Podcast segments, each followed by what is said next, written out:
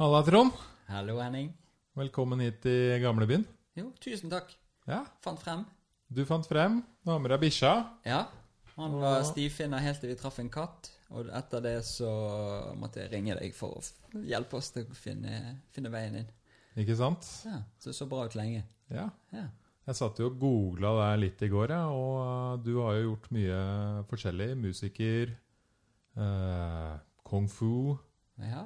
Uh, starta nettbutikk, lunsjklubben Ja. Det er mye greier. Det er mye greier. Mye kult. Veldig mye gøy. Og det var litt det vi snakket om rett før vi begynte, at eh, det å lære seg kunsten å kunne plukke ut noen ting og ikke holde på med alt, eh, er ikke så enkelt. Mm. Men det øves. Hvordan, hvordan gjør du det i livet? Eh, det var jo litt sånn Vi hadde denne spennende eh, koronastarten. Ja. Da uh, fikk jeg litt ekstra tid til å tenke meg litt om. Mm. Da fant jeg fort ut at uh, en av utfordringene mine som gjør at jeg kanskje har uh, for mye stressaktivering i løpet av en dag, eller egentlig at det bare blir litt mye, Ja. er at jeg liker å gjøre masse forskjellig. Og istedenfor like masse ting, så tar jeg i alle tingene. Mm. Det er noen ting som går an å bare la være og synes det er kult.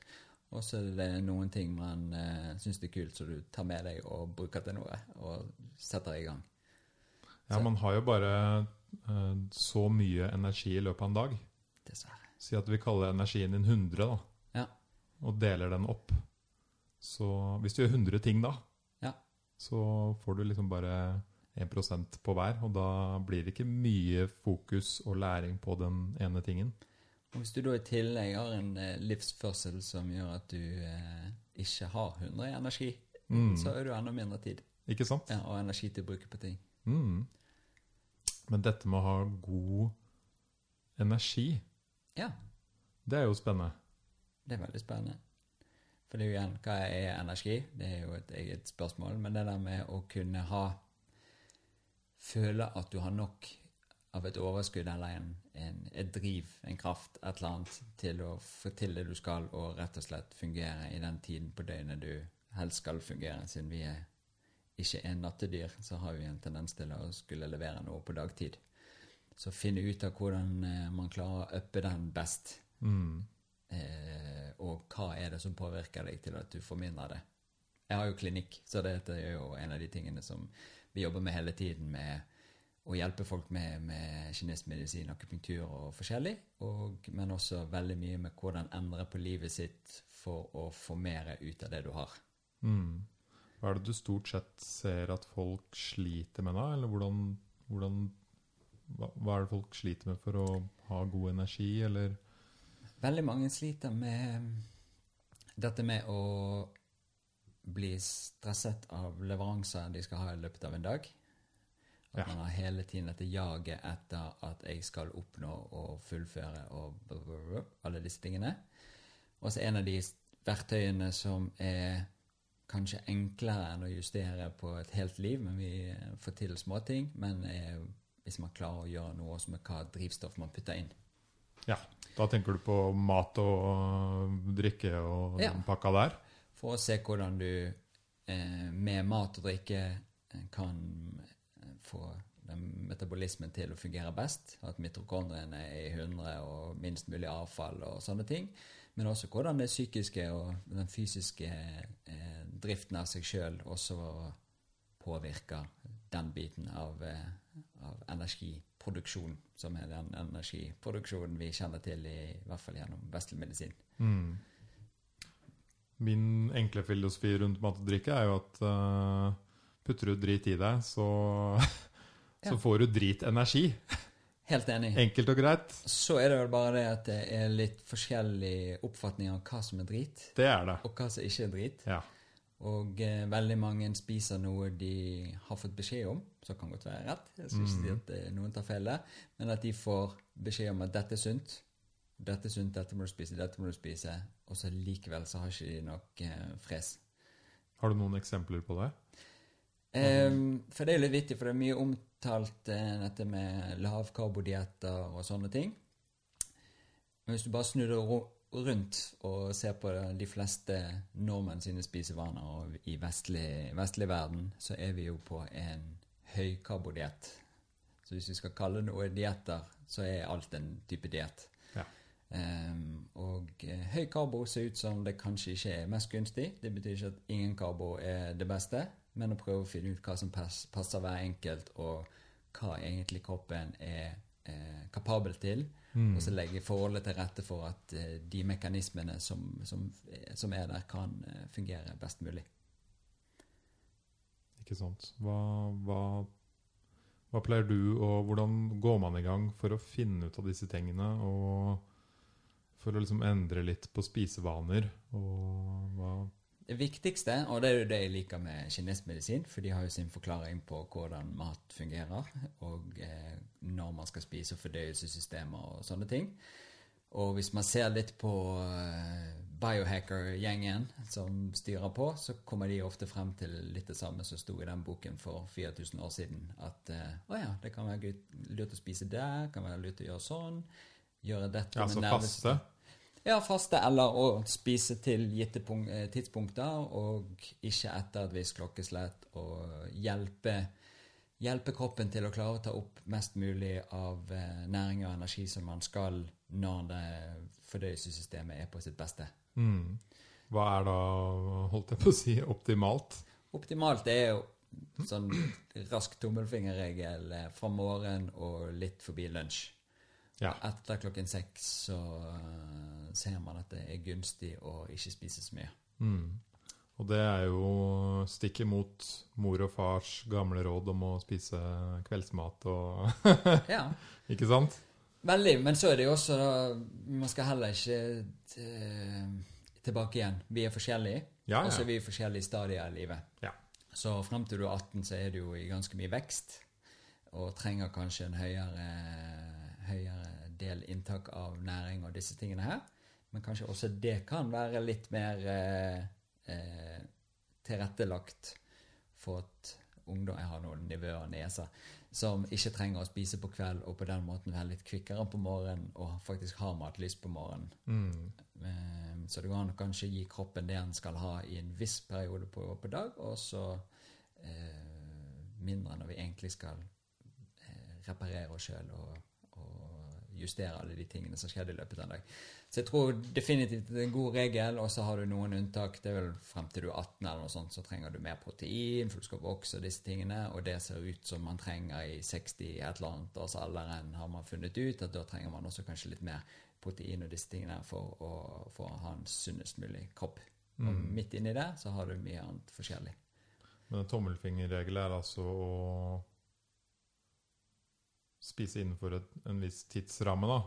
Og ikke gjerne etter klokka seks. Ja. Man vil gjøre det enkelt. Det er sånn jeg vokste opp i. Når, når vi begynte å trene kung fu, og sånn, så fikk vi en del sånne guidance ikke du tenkte over, egentlig. Som eh, nå gir mer mening når man har studert litt og, og ser på hva man finner av i forskning. Alltid en forskningsgreie, men man kan finne hva man vil i forskning. Men i hvert fall masse fine funn da, som, som uh, går litt i den retningen at uh, gitte tidspunkt har en, en, uh, en bra greie for kroppen. Bare dette med å spise frokost, eh, en lunsj og en middag, men kanskje at middag nødvendigvis ikke er det største måltidet heller, men at du har mest mulig mat rundt eh, midt på dagen. Og også dette som en del eh, folk har begynt å se på dette med å kunne spise frokost for å aktivere kroppen, at nå er vi i en, eh, i en våken tilstand. Dette også med å utsette seg for, eh, for dagslys og disse tingene her. Så um, ja, så jeg var gjennom komfortbiten der. Vi lærte en del om disse tingene, men også daoistisk måte å spise på, faste og sånne ting, for å få mest mulig ut av eh, tøffe tider med trening. Eh, eller eh, tøffe dager med mye meditasjon og sånne ting. Mm. Og Hvis du da ser på hvor dette kommer fra, fra langt tilbake i Kina, så var jo det De bare de hadde mange mennesker som prøvde å finne ut den beste måten å fungere på, krige på, eh, drepe flest fly. Hvor lenge siden var det her? Ja, dette er vel på 1300 og et eller annet, men det er jo tradisjoner som går enda lenger tilbake. sant? Så. Når jeg sier det, så er det ut ifra min komfortfamilie, eh, hvor eh, stamtreet kommer fra. Eh, men det eneste de har vært ute etter, er å fungere best mulig og overleve best mulig. Eh, fordi at de er soldater og eh, hadde en kampsak de, eh, de kjempet for. Og eh, ville få det til, og derfor måtte de for folket sitt også fungere best mulig, og ikke bare for seg sjøl. De testa det De forska på det the real way. vet du. De bare Nå tar vi en million av dere. Ja. Dere dropper eh, kveldsmat. Ja. Og dere en million, dere spiser kveldsmat. ja. Perfekt. Så det er jo Når du ser på forskning, og det er ikke forst, så mye forskning på sånn og sånn og sånn, og hvis du da ser på Shaolin-tempelet, eh, der kung ble oppfunnet, i hvert fall eh, vår type, så er det jo hvordan munkene hadde tradisjoner på å følge alle munkene gjennom meditasjoner de gjorde, eh, lengder på meditasjoner, type trening, hva de gjorde på trening, alt dette fysiske og psykiske, og så hadde de eh, loggført det i bøker hele tiden. Så når da en munk døde, så fant de ut av alt den munken gjorde, eh, Wow. obduserte, fant ut av hva det mest sannsynligvis døde av, og så prøvde de å finne eh, andre munker som hadde dødd, som døde av det samme, og så se på treningsmønsteret om det er noe de gjorde felles. Så fant de f.eks. ut at å ja, vi gjorde 1000 slag med høyre hånd, 4000 slag med venstre hånd. De døde av for stort hjerte. Ok, det er en kobling mest sannsynligvis mellom eh, venstre arm og hjerte og noen påvirkninger der. Så sånne, sånne logger hadde de, da. Mm. Og eh, enda lenger tilbake, som jeg har blitt fortalt, så har jo de gamle krigsherrene også det samme. De har det fanger. Nå kommer mikken frem og tilbake. Ja, jeg bare justerer litt. Ja, det er veldig fint. Eh, fanger, og så skrev de onsdag, overskyet, 13 grader, fanget Wow. nummer 1000, et eller annet sånn. Eh, hardt Phoenix punch til tinning, blør ut venstre nesebor, eh, død etter fire minutter. Neste.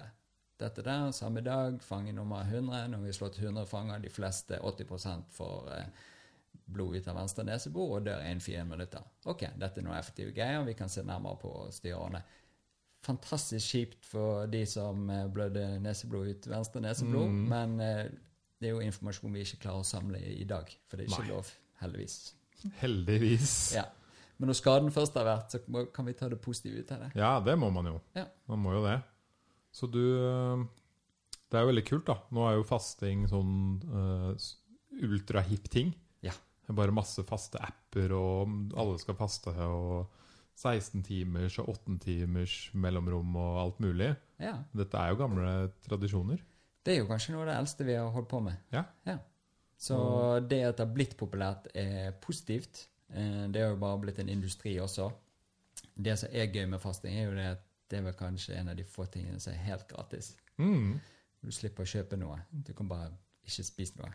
Nettopp. Så, så jeg syns det er veldig fint at det er blitt så veldig populært. Og hvis du ser religionsmessig, så er det jo de fleste religioner har jo vært enige om at faste er en god idé. Det er bare det at det har ikke passet oss så veldig godt, så vi har bare skippet det istedenfor. Og så har vi holdt oss til eh, de gode måltidene etter fasten. Oppspisingen igjen.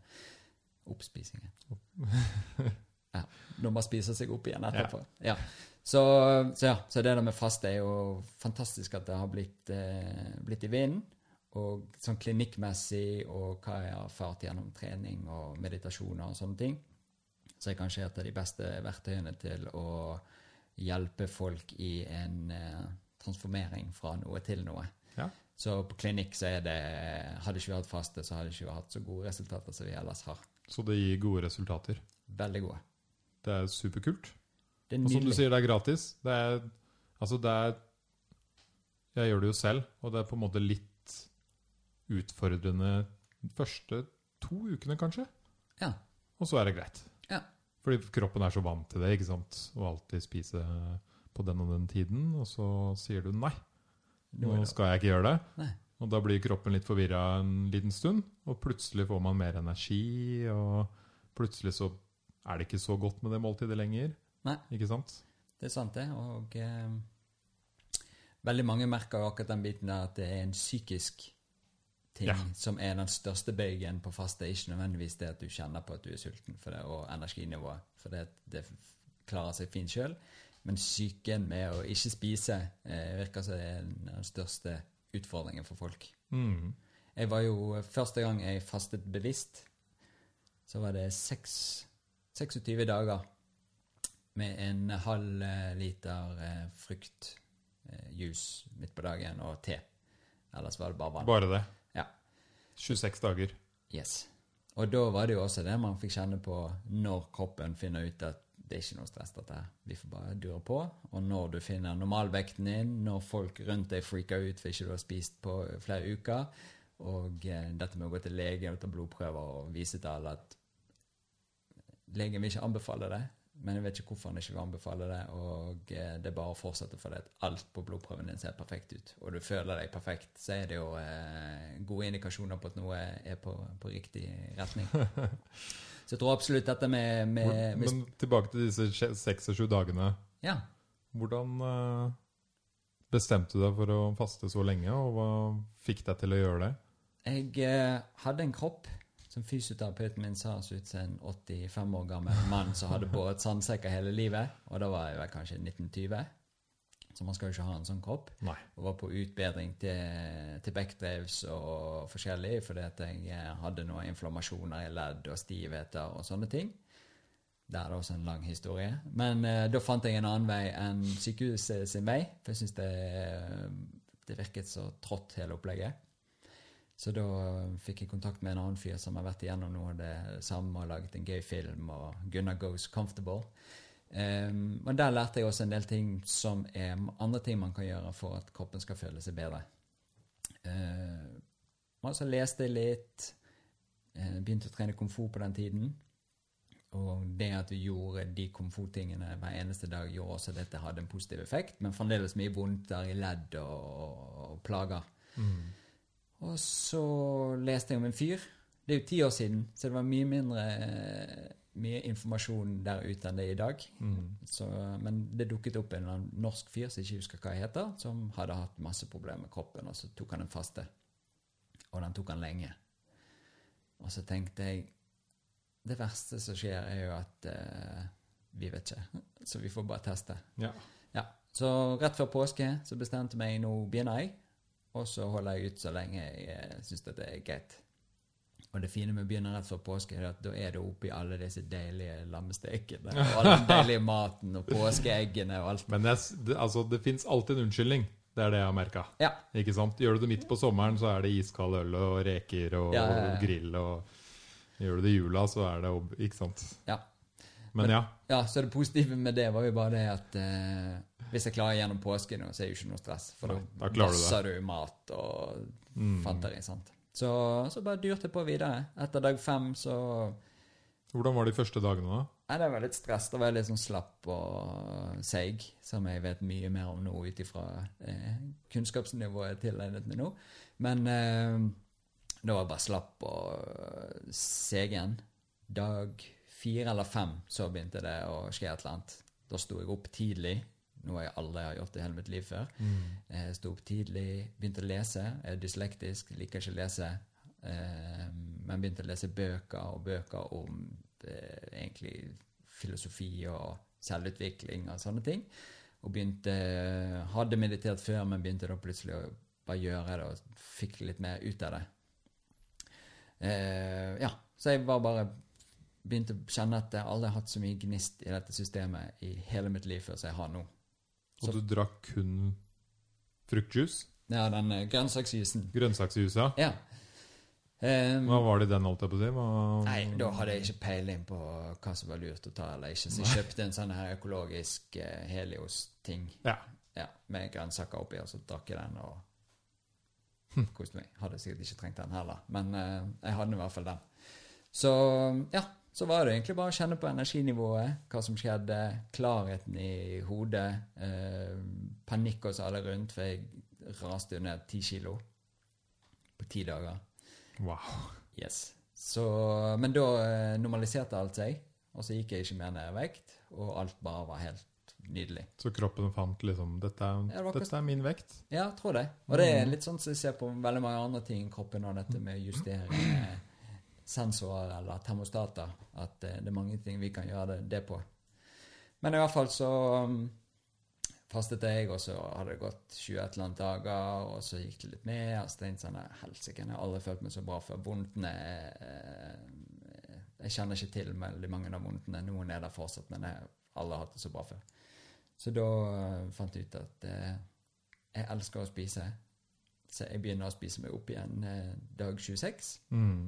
Og så gjorde jeg det og eh, la på meg to kilo eller noe sånt, og så holdt jeg meg der eh, Ja. videre.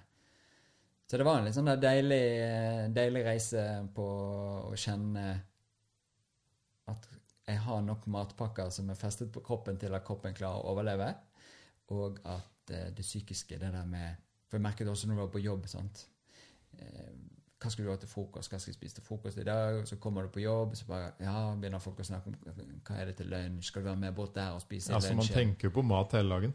Hele tiden. Mm. Og det gikk jo veldig opp for meg akkurat da at eh, hva er det som skjer da? Enten snakker vi om mat, og det er jo veldig fint, for det er jo en sosial, hyggelig ting, eh, eller hva vi liker best å spise, og hva vi har lyst på, hva vi skal til middag, så- eller så bruker du tiden på å lage maten, eller stå i en kø for at noen skal lage maten for deg, eller et eller annet. Det er sinnssykt mye tid som går på, på mat.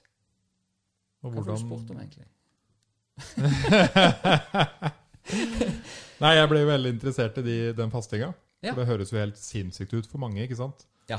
Eh, Men jeg har jo også møtt mye folk de siste årene som liksom eh, Nå er sommeren over, så nå tar jeg en ukes fasting for å liksom resette kroppen. Ja. Det er mange som sier. Ja. Nå er eh, juletida over.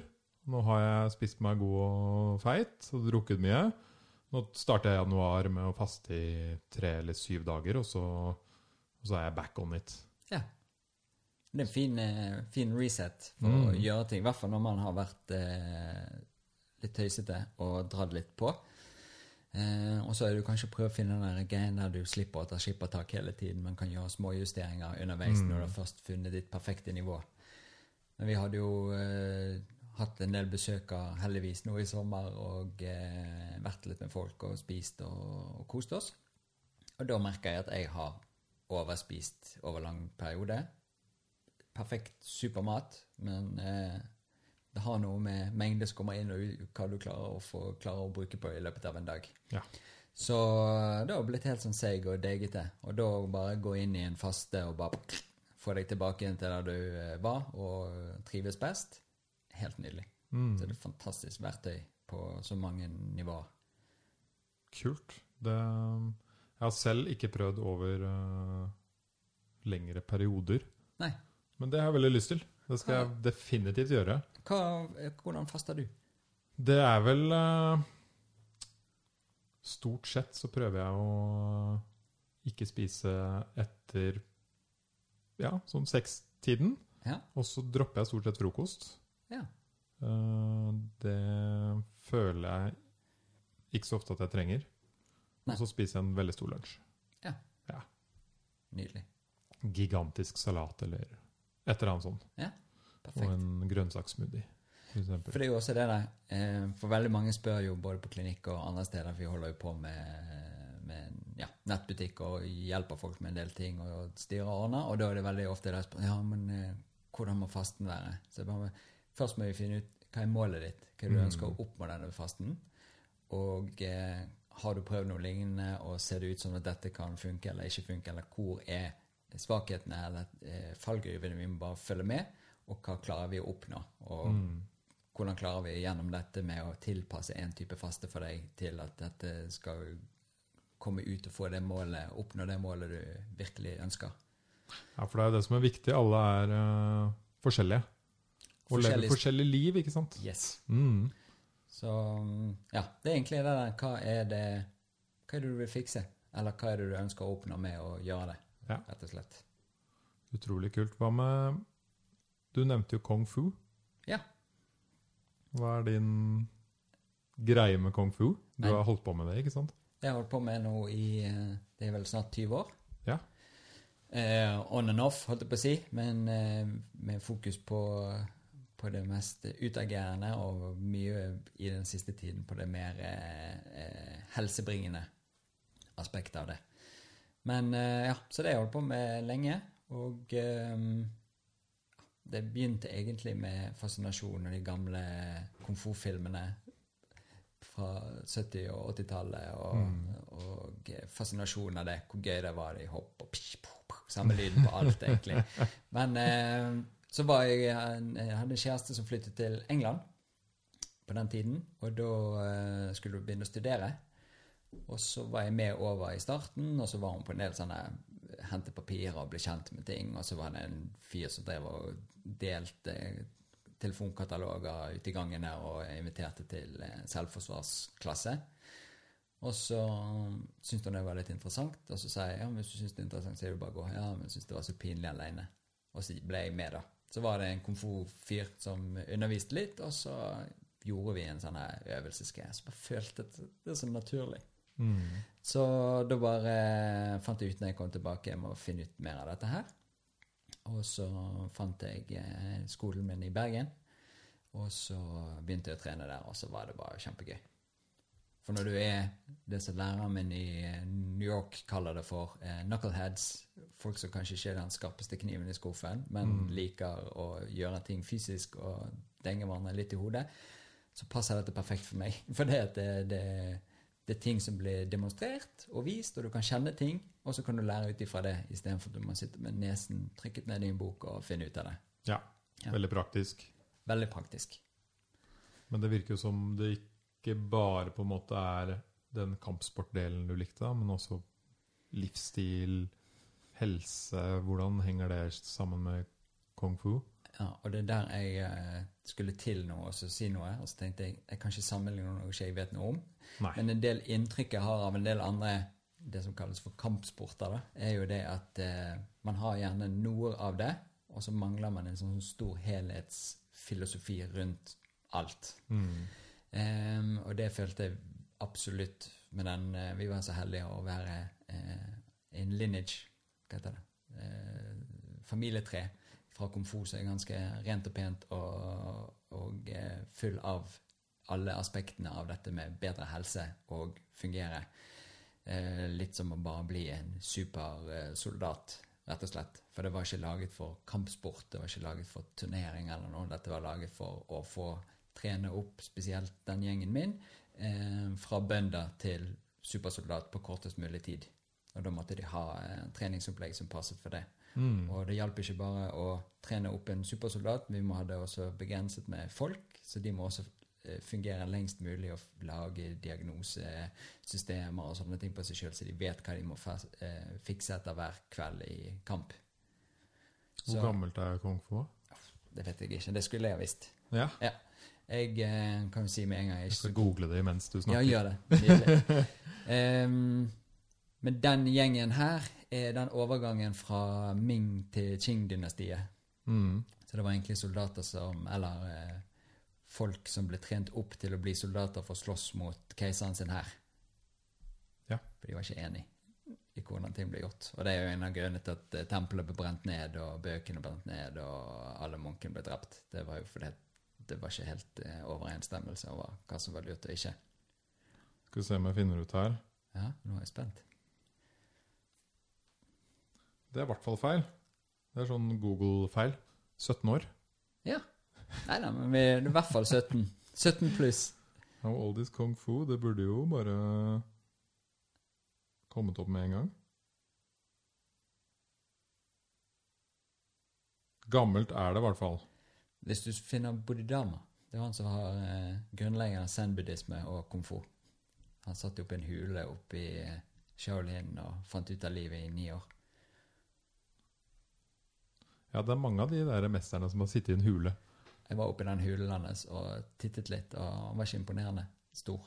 Det var Men, ikke det. eh, Nei, men eh, sånn skal jo si at han satt jo ikke der hele tiden. da. Men det var der han bodde, ovenfor tempelet, og så fant han ut av hvordan vi skal få folk til å meditere buddhismen, hvordan den skal formes, og eh, hvordan vi kan gjøre fysiske ting som også er bra for, for det fysiske, istedenfor bare å bli enlightened med å lese bøker og, og eh, meditere, men også kunne ha en fysisk sterk kropp som også kan forsvare seg. For dyreriket er laget sånn at eh, alle dyrene er ikke gartnere. Noen må ta opp et sverd av og til og, Mm. og forsvare seg eller gjøre et eller annet. Så det er gammelt. Mm. Eh, Hvor i Kina var dette her, da? For du har vært der? det har jeg vært. Ja. Det er Shaolin. Det heter jo et eller annet veldig fint, sikkert. Men det er litt eh, inn i landet oppe i nord. Eh, og sånn som jeg har blitt lært, så er Shaolin eh, en liten skog. Og det er jo også litt av ideen man har under trening, at en liten skog som vokser sammen Hvis du stikker deg ut og tror du er bedre enn alle andre, så kommer stormen, og så knekker det treet. Mens den gjengen som hjelper hverandre å vokse og bli større og sterkere, er en eh, liten, fin skog. Men i hvert fall der var jeg på besøk, fordi at um, jeg skulle til Kina. Og så hadde vi, siden min familie var så heldig, og eh, kung fu-familie, og har en god lineage, så var det Når du sier familie, så mener du din kung fu-familie. kung fu-familie? Ja. Ja. Det høres så fjollete ut, men det, det er nå sånn det en gang er. Så det er ikke for å virke spesiell, men det, Nei, nei, det er sånn nei, det bare blir omtalt. Uh, men så arbeidet i um, Shaolin, altså overmunken i Mm. Shaolin, de har en sånn eh, ordning med Wheel of Life, tror jeg det heter. Så sender de ut noen munker for å se verden og oppleve verden. For det er jo eneste måten du kunne på, eh, på den måten vite hvordan verden fungerer. Eh, og da snakket de med Jeg tror det var Cheng Hun Chung, som nå dessverre er død, med en av eh, storguttene i Hongkong. Så spurte jeg hvor kan vi sende en munk. Så sa han send det til eleven min i London. De er tradisjonelle og har kung fu-skole. Og eh, hvis jeg snakker med han, så kan han bo der. Ja. Ja, Så da bodde jo han der, og det var jo selvfølgelig de vi trente med i, i England. Ja. Så da fikk vi være litt med han munken og gjøre, trene komfort, qigong, meditere og ja. Så du møtte munken, du? Ja. Ja. Da var han 26 år gammel og hadde vært i tempelet siden han var fem. Ble levert av foreldrene. Så veldig fascinerende og fin fyr. Men det var liksom denne inngangsporten til det, da. Så når jeg da skulle til Kina, så snakket eh, læreren min i England med Hongkong, og så fikset de at jeg kunne møte eh, munkene i Shaolin-tempelet. Hvordan var det tempelet? Det er veldig fint. Men det har jo blitt en turistattraksjon, hele det området der. Så du har det gamle tempelet, kjempefint, og noen stengte områder heldigvis, siden der bor folk. Men eh, det er jo på en måte blitt en turistattraksjon der, og så har du en haug med komfortskoler rundt og styr og stell som er rundt området, som gjør at det er ikke det lille tempelet som var oppe i skråningen opp mot fjellet der lenger. Nå er det Det er så mye folk. Det er helt vilt. Det er sånn 17. mai-stemning hver dag. Mm, alle skal lære komfort, og veldig mange sender barna sine der for å lære komfort sånn at de kan bli politier. Sånn at Ja. de eh, klarer seg i livet. For dette, folk får mye fattigdom og forskjellig. Så det var liksom den derre eh, veien min inn til å få lov å hilse på gutta der. Mm. Og da bodde jeg på et lite hotell borti gaten. Og eh, fikk beskjed at en av munkene hadde ringt, og han skulle møte meg når solen gikk ned. Så det var jo koselig, for det er jo ikke et klokkeslett.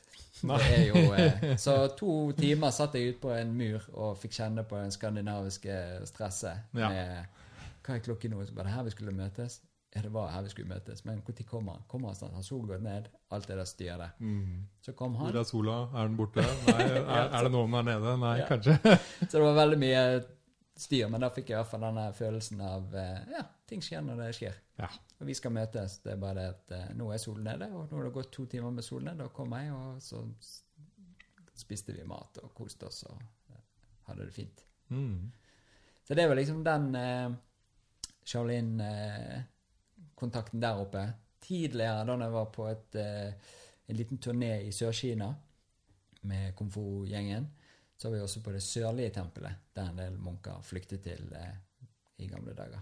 Så det var også spennende, som også har blitt restaurert litt av folk eh, tidligere, kung fu-menn som flyttet ut av Kina fordi kung og kinesisk medisin var ulovlig under kulturrevolusjonen. Men derfor flyttet de ut og har sendt penger tilbake igjen og får bygget opp eh, tempelet og gjort at det i hvert fall er oppe og går, at det, det bor munker der nå.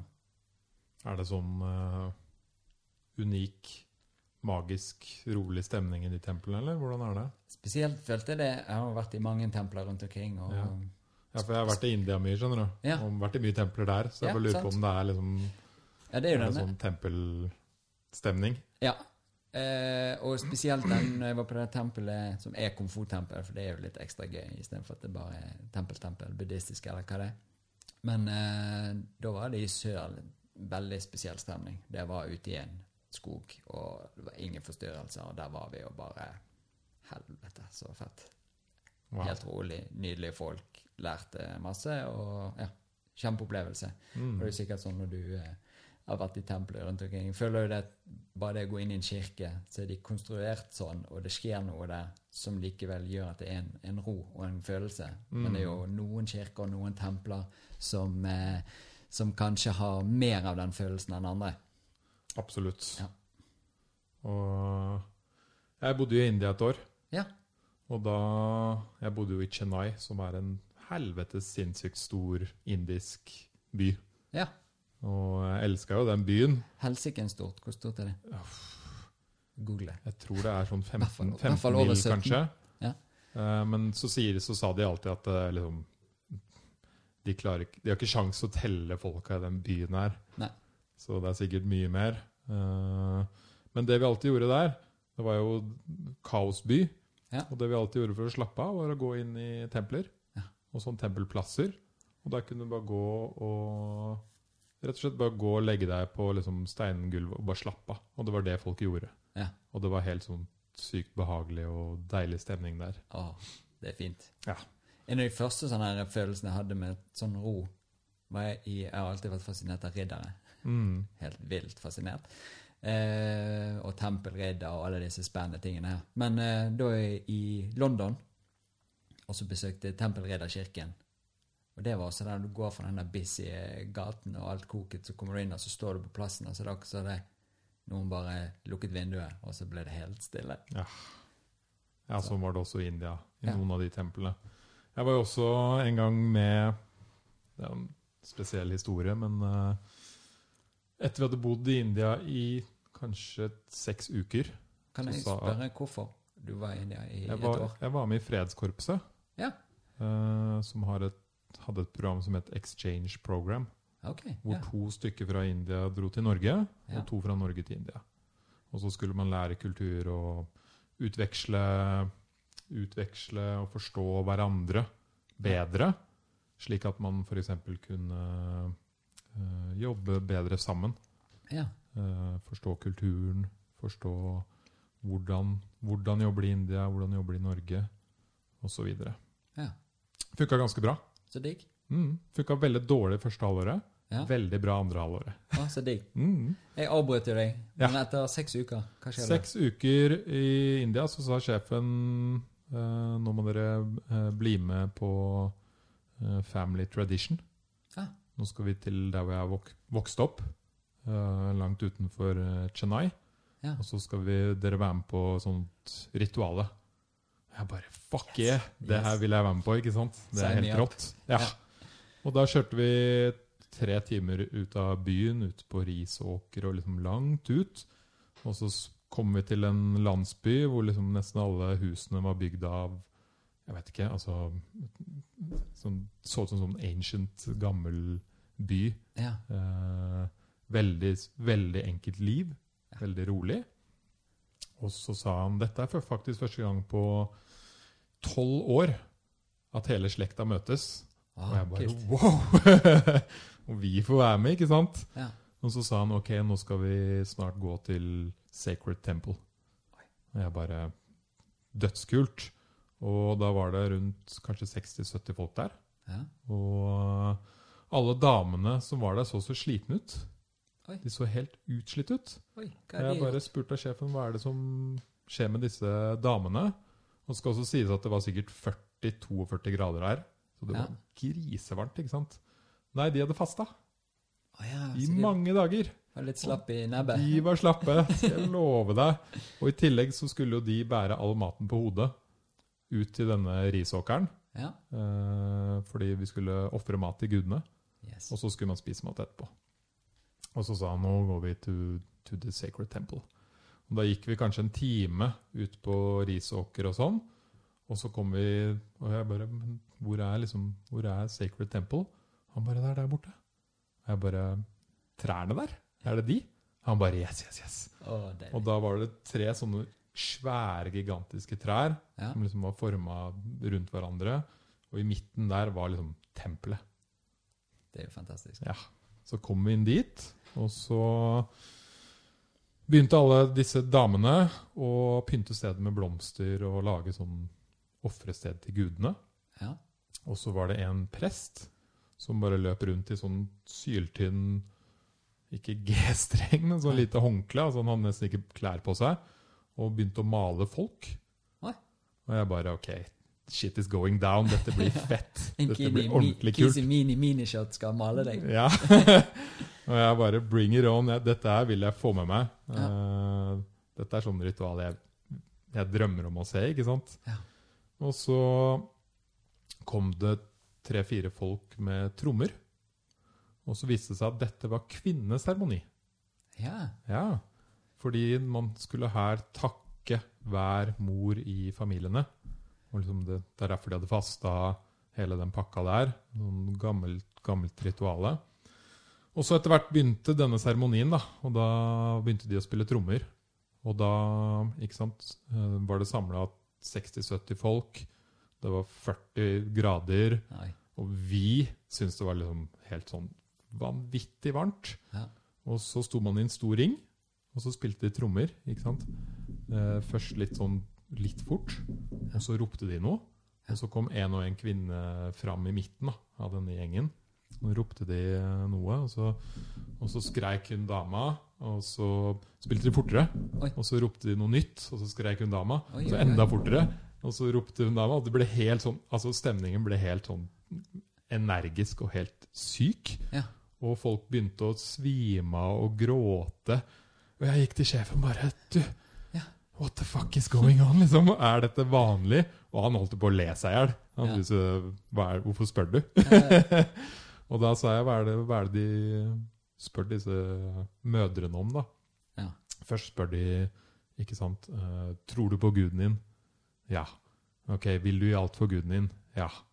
Altså, sånne spørsmål én etter én etter én. Helt til liksom sånn det ultimate spørsmålet. Bare sånn eh, Vil du gi livet ditt til guden din, eller noe sånt? da? Ja. Og så sa de ja. Og så sto de og piska Ikke piska dem, men de hadde sånn blader med vann. Dasket litt. De sto og daska litt. Ja. Og vi sto der, og det var 40 grader, og folk svima av. Jeg husker spesielt det kom en sånn gammel mann på 70 år til meg, eller noe sånt, og bare tok tak i hånda mi og så meg i øynene, og sto liksom, det bare rant tårer ut av ansiktet hans. Oi. Og jeg så på han, og det bare rant tårer ut av ansiktet mitt. Og så så jeg på han norske jeg var med, og bare 'Thomas, hva er det som skjer?' og han bare 'Jeg veit ikke, men dette her er helt rått'. Og det var, uh, altså det var uh, tidenes opplevelse Ja. ute i uh, Langt ute i bushen i India. Fantastisk. Sånne opplevelser er helt fantastiske. Ja, det er det. Hadde en uh, lignende i Navajo Ja. Nation. Ja. Og det var jo også veldig spennende, for det, at, eh, det var tiårsjubileet til eh, læreren min, dr. Frank Butler, og eh, hans eh, kollega Jen Resnick. De Mhm. har en organisasjon som heter GAP, som reiser rundt i hele verden. Tibet, Nepal, Vietnam, USA, overalt, og hjelper folk som ikke har tilgang på, på helseting. Så da laget de en GAP-organisasjon, så de har reist rundt der. Det har vært laget en liten dokumentar om de, og sett hvordan de jobber, og team, og hei hvor det går. Men de fant ut at de reiste mye rundt i Bergen Be- I Bergen, det er verden. Eh, rundt, reist rundt i eh, hele verden. Ja. Eh, men at de har jo nok problemer i eget land, som er USA. Og spesielt i urbefolkningen og, og reservatene som er satt av til de. Så da startet de en sånn gap-runde der også, med å sette opp stasjoner der de gjennom helsestasjoner egentlig hjelper folk gjennom kinesisk medisin, og så lærer de opp folk lokalt, sånn at når de stikker, så har vi noe kunnskap igjen, og så bygger vi dette over tid. Så det var tiårsjubileum for to år siden, og da eh, fikk jeg lov å være med eh, også på et ritual som aldri hadde vært gitt for noen utenfra stammen. Yes. Nå kjenner jeg jeg gleder meg. Oh, helsike. Så eh, det var jo fantastisk, for det, vi kom til området langt ute i ørkenen som er 1800 meter over havet eller et eller annet. Kan være jeg lyver nå, for tall og sånne ting er helt eh, på trynet på. Men eh, vi sier 18. Vi gjør det. Ja. Siden eh, komfort fall var 17 år, så må dette i hvert fall vært 18 meter over Ja. havet. Ja. Så, men der var vi. Kom ut midt på natten. Bare lysene fra, fra bilene som vi hadde med. Og så begynte vi å sette opp telt og styre. Jeg har aldri vært i en ørken før. Så hørte jeg noe sånn tassing og tussing bak meg når jeg holdt på å sette opp teltet, og så snur jeg meg med lykt, og så står det en svær prærieulv to meter fra meg og ser på meg. Så tenkte jeg sånn Fuck, har jeg sett dette på noen dyreprogram? Hva gjør vi nå, liksom? Skal jeg moonwalke inn i teltet og late som ingenting, eller må jeg gjøre noe? Og så tok jeg et steg imot han, og så bjeffet jeg til han. Og så stakk han. Og så tenkte jeg ok, nå må hun jeg inn i teltet, for nå kan jo være at han henter gjengen sin. Jeg vet ikke hva som skjer. Så da gikk jeg inn i teltet og, og sov litt, da. Hvor stor var den, da? Nei, akkurat da så han helt gigantisk ut. Ikke sant? Eh, men det var en eh, prærieulv der som var blanding av eh, hund og prærieulv, Mm. som han ene der på gården har skutt tre ganger, og han er flink å skyte, og han mener han har døde alle tre gangene, men han kommer alltid tilbake. Så de kaller bare den tispen for eh, hun som alltid kommer tilbake. Mm. Så hun tuslet rundt der og var litt, eh, tok en del dyr og koste seg, men hun var større enn de vanlige prærieulvene, så jeg regner med det var hun. Ja. Ja. Men derfor våkner mitt midt på natten her, iskaldt. Eh, fikk ikke sove. Det var også hørtes ut som noen andre dyr som ble demontert opp i skråningen av et eller annet rovdyr. Det var noen sånne hyl og skrik som jeg aldri har vært med på før. Så det var jo litt sånn deilig. For en sånn trygg, liten bergensk eh, bygutt. Men så gikk jeg bare ut midt på Når, når lyset begynte å komme, så sto jeg bare opp, for dette. jeg lå bare vred meg uansett. Og bare så utover en ørken. Så jeg bare Shit, jeg er i en ørken, og dette er helt vilt. Var det bra stjernehimmel der, eller? Helt vilt. Ja. Det var akkurat så eh, du hadde senket taket i rommet og puttet inn sånne stjernelys. Mm. Det var så nærmt. Så det var akkurat så jeg var i universet og kunne bare se på ting. Hvis du sto inne i en sånn der eh, Har du vært i en sånn der eh, planetarium? Ja. Det det? Ja. Litt den følelsen at du bare er litt oppe i himmelen samtidig som du er på bakken. Du har tydeligvis sett din, sjøl. ja, jeg har vært i, i eh, ørkenen i Chile, Oh, shit. Ja. og det var samme. Jeg bare, what the. Hva faen, det er helt Nesten ingen lysforurensning. Nei, eller noe det er akkurat det. Ja. Og det er som du sier, det føles som himmelen liksom er nærmere. Ja, og kan ta på ting. Ja. Ja. Ja. Fortsett. Ja, nei, så da satt jeg bare der og måpte og syntes at det var helt vilt. Og så kom jo folk ut av teltene sine, og alt var greit. Og vi satte opp eh, teltene våre til det som skulle være behandlingstelt og alt. Og så kom eh, Tim. Tim, ja. Som var da president i Navo, men også medisinmann.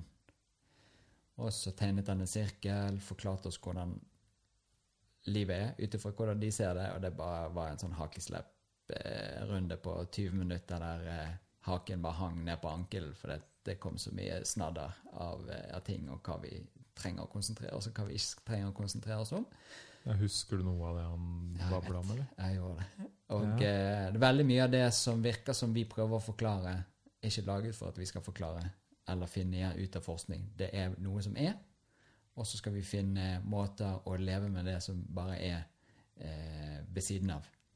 Bruker vi for mye tid på der inne, så kan vi dykke og dykke og dykke, men vi vi kommer ikke til å finne ut hva det er. Mm. Så det var egentlig sånn hovedtaket ut av det, for det at vi bruker så mye ressurser og stresser med å forstå noe som vi kanskje bare skal På Bergen så heter det belite seg. Eh, at du bare godtar at sånn er det. Ja. Akseptere. Aksepterer det. Takk. Så um, det var liksom den hovedgreien jeg satt igjen med, og bare skjønte at eh, Ja, godt poeng. Jeg tar den. Ja. Den tar jeg med meg, og så trakk jeg haken opp igjen, og så fortsatte dagen. Og da snakket, eh, kom han bort til meg, og vi fikk hilst og snakket litt. Og så litt senere utpå dagen så spurte han eh, har du lyst til å møte krigeren i deg sjøl. Så tenkte jeg oh yes. Ja. Veldig interessert i det. Så han var greit. Da samler vi gjengen til et eh, sånn ritual i kveld. Og så gjør vi det. Og da satt vi rundt bålet. Og så liker jeg det sånn autentisk. Oppi mitt hode så sitter alle i hjemmelagde sånne pledd og ponchoer og sånt. Og, og kona hans, eh, Belinda, het, eh, var jo kjempeflink å lage tradisjonelle eh, tepper og alt mulig sånn kunstting og boller og hei hvor det går. Men da satt hun i et sånn flis Star Wars-teppe. og jeg bare elsket alt. For det var liksom bare Ja, vi holder på med det vi holder på med i den verden vi lever i nå. Vi trenger ikke å se ut sånn som vi gjorde for 300 år siden, for det, Tiden endrer seg, men vi har fortsatt med oss verdiene verdien og måten å se tingene på. Så jeg likte hele den greia. Men lang historie kort, da. Så ble vi sittende der og gjennom dette ritualet, og det ble sagt ting på Hva heter? Eh, Navo-språket? Det husker jeg ikke. I hvert fall på sitt språk.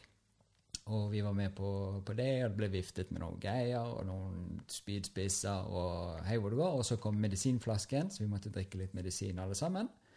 Og så, når ritualet var ferdig, så, så sa han Trond, da går vi den veien. Og så gikk vi utover i ørkenen. Og du har jo opplevd ørkenen. Så når det er god natt, så er det jo ganske mørkt. Så Og da, kaldt. så da gikk vi bare utover med han med lommelykt og gikk og gikk og gikk. Og gikk, og gikk, og så sa han ah, der skal du sitte. Og der skal du sitte i ro, og skal du se den veien til jeg kommer og henter deg. Og dette var en fyr jeg hadde truffet samme dag, så han virket legit, og alt var, var fint, men eh, du vet, et nytt menneske. Og så var det noe rasling borti der, og så snur han seg bare, og så sier han eh, Ja, og pass deg for eh, coyodien. Så jeg bare eh, 'Hvorfor sier du det?' Så han bare 'Nei, det er ikke så mye mat for tiden, så de er ganske sultne'. Så jeg bare 'Du kødder nå?' sånn. Han bare 'Ja, kødder med deg. De er redd deg'. Så jeg bare 'OK, takk'. Ha det. så ble jeg sittende der, og så så jeg bare den lommelykten forsvinne i det fjerne, og så satt jeg bare ute og så og ventet på øynene skulle tilpasse seg mørket mer. Mm. Og så begynte jeg å kunne se litt ting, og det var fremdeles mye rasling og styr som skjedde. Og eh, så begynte den medisinen tydeligvis å virke. Mm. Ja. Så om jeg satt i ti minutter eller flere uker ute i den der eh, ørkenen, det var ikke jeg sikker på. Eh, men jeg satt i hvert fall lenge og var med på det som skjedde der. Og så viser det seg at etter to og en halv time så kom han og hentet meg igjen. da. Og så var det inn igjen og så rundt bålet igjen og fortelle om tingene som har skjedd. Hvordan var det å sitte der da? Altså, skjedde, så du noe? Skjedde noe? skjedde mye rart. Mm. det fine var vel det at det var aldri noe frykt. Nei. Nei. Så jeg bare satt ute i et veldig spesielt eh, miljø, altså helt mørkt. Eh, alle har vært der før. Vet ikke hva alle dyrene i skogen heter. De bare rusler og tusler rundt deg. Og eh, ja, det var bare en sånn enormt fred. Mm. Og eh, når du liksom Det får jo ikke helt til å falle på plass i det, for det var ikke så du var allerede falt på plass i det. Men det å kunne bare sitte der og, og, og se de forskjellige tingene som skjer, og sette pris på horisonten, den busken der, eh, masse litt sånne småting, og så høre alt dyrelivet som egentlig foregår ganske nærmt deg, men som egentlig ikke brydde deg så veldig mye om likevel. Og en del når du da fikk litt tid på det, begynte å gå litt innover, litt sånn som du sikkert opplever med meditasjon og sånne ting, at du plutselig får litt mer innsikt inni deg sjøl og, og kan titte litt rundt inn i kroker der som kanskje ikke har hatt lys på seg på lenge. Så det var en eh, fantastisk opplevelse. Mm. Men igjen, kaldt. Dritvondt å sitte akkurat der jeg satt. Eh, så det var digg å bli hentet til slutt. Eh, ja, Så det var hovedsakelig de tingene som skjedde. Det var litt sånn det lysting og Ja, ja. spennende greier. Og så var det gjennom det ritualet igjen etterpå, og forklaringa at nå har du fire dager eh, etter i morgen, for da fortsetter ritualet. Så jeg bare oh, yes. Men nå skal vi sove, og så fortsetter ritualet, og da har du fire dager eh, svarene dine vil komme på de Ja, for han spurt eh, Still deg sjøl noen spørsmål som du har lyst til å vite på eh, når du sitter ute i eh, ørkenen. Og de får du svar på i løpet av fire dager. Så jeg bare konge. Um, så var det neste dag, og da var jeg med på noe vedsanking. Gikk rundt i ørkenen der og samlet ved, Mm. og hogget ved og koste oss. For da har de en sånn der eh, eh, varmehytte som de bygger. Den bygger de nede i jorden, med et lite lokk oppå. En badstue? Ja, det er en badstue. Ja. Bitte liten. Veldig, veldig liten badstue eh, med jord og alt mulig rundt. Så er det helt tett. Eh, så da samlet vi ved og skjønte at vi skal fyre opp den, og så fikk forklart litt at der skal vi inn i ritualet, og da skal vi sitte hele gjengen der. Da er det menn, eh, damene først, og så menn etterpå. Og så er, kommer det til å være en annen fra stammen her og synge bønner for oss, og så skal vi gjøre disse fire ganger. Og så skal vi vaske oss med noe sølevann som sto i en bøtte, og så skal vi gjøre det, og så skal vi gå og spise. Så vi hogget ved, varmet opp steiner som skulle inn. Så vi varmet opp steiner som vi fant til de glødet. Så når du la de inn i, eh, inn i denne lille hytten, så lå de der glødet og var fine, og så roet det jo selvfølgelig ned. Men det var plass til åtte mann inni den hytten.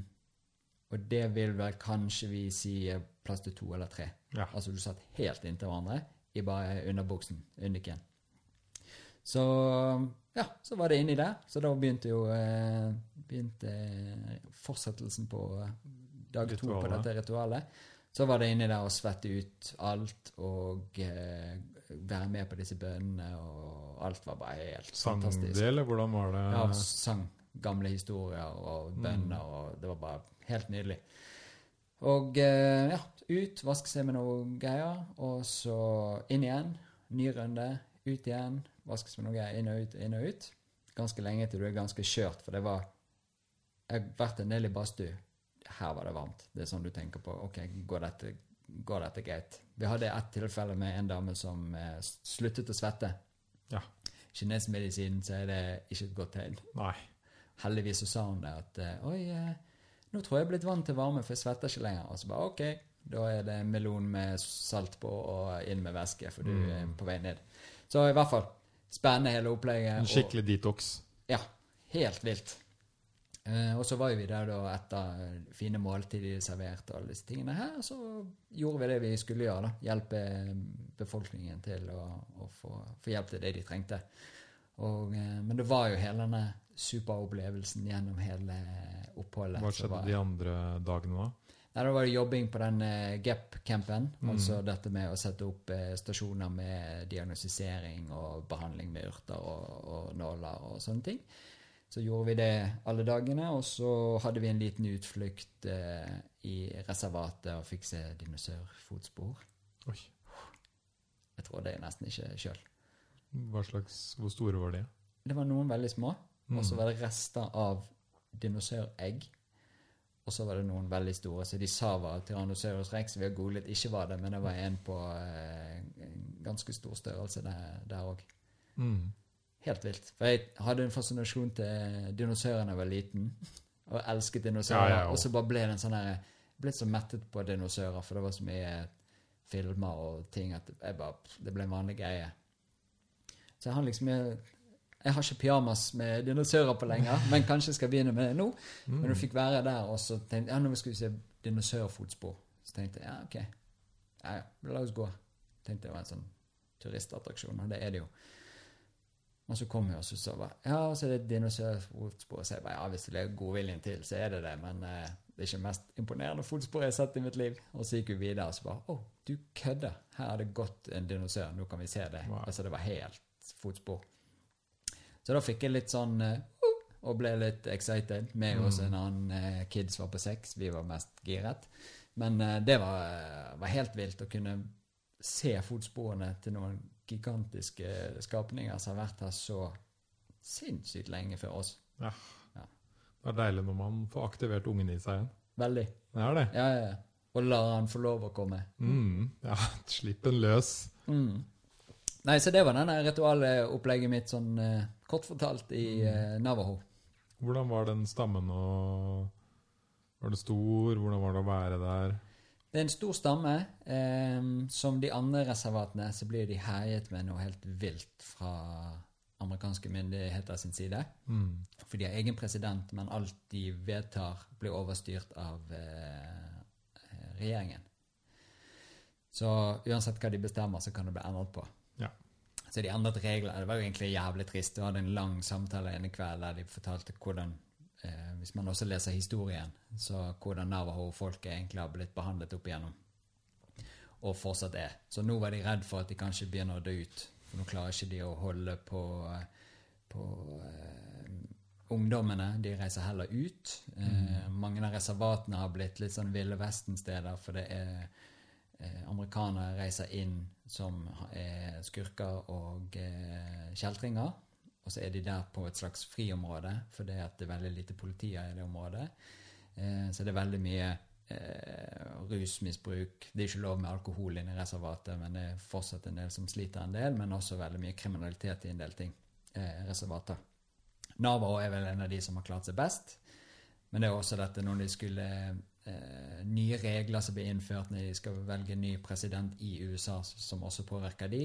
Mm. Så er det plutselig nye regler som gjør at det blir vanskeligere for urbefolkningen å stemme, for det er, det er bare de som har, eh, bor i en gate med gatenavn, som får lov å stemme. Ja. Så hadde han bare sa hver gang vi justerer oss, så justerer de noe annet som gjør at det blir vanskeligere igjen. Heldigvis hadde han eh, fulgt litt med da på hvordan ting var rundt omkring, så han hadde reist rundt i hele reservatet og fått folk til å sette opp navn på eh, stiene, gatene Ja. eh, de bodde. Og da skulle de kunne i teorien få lov å stemme på den presidenten de ønsket.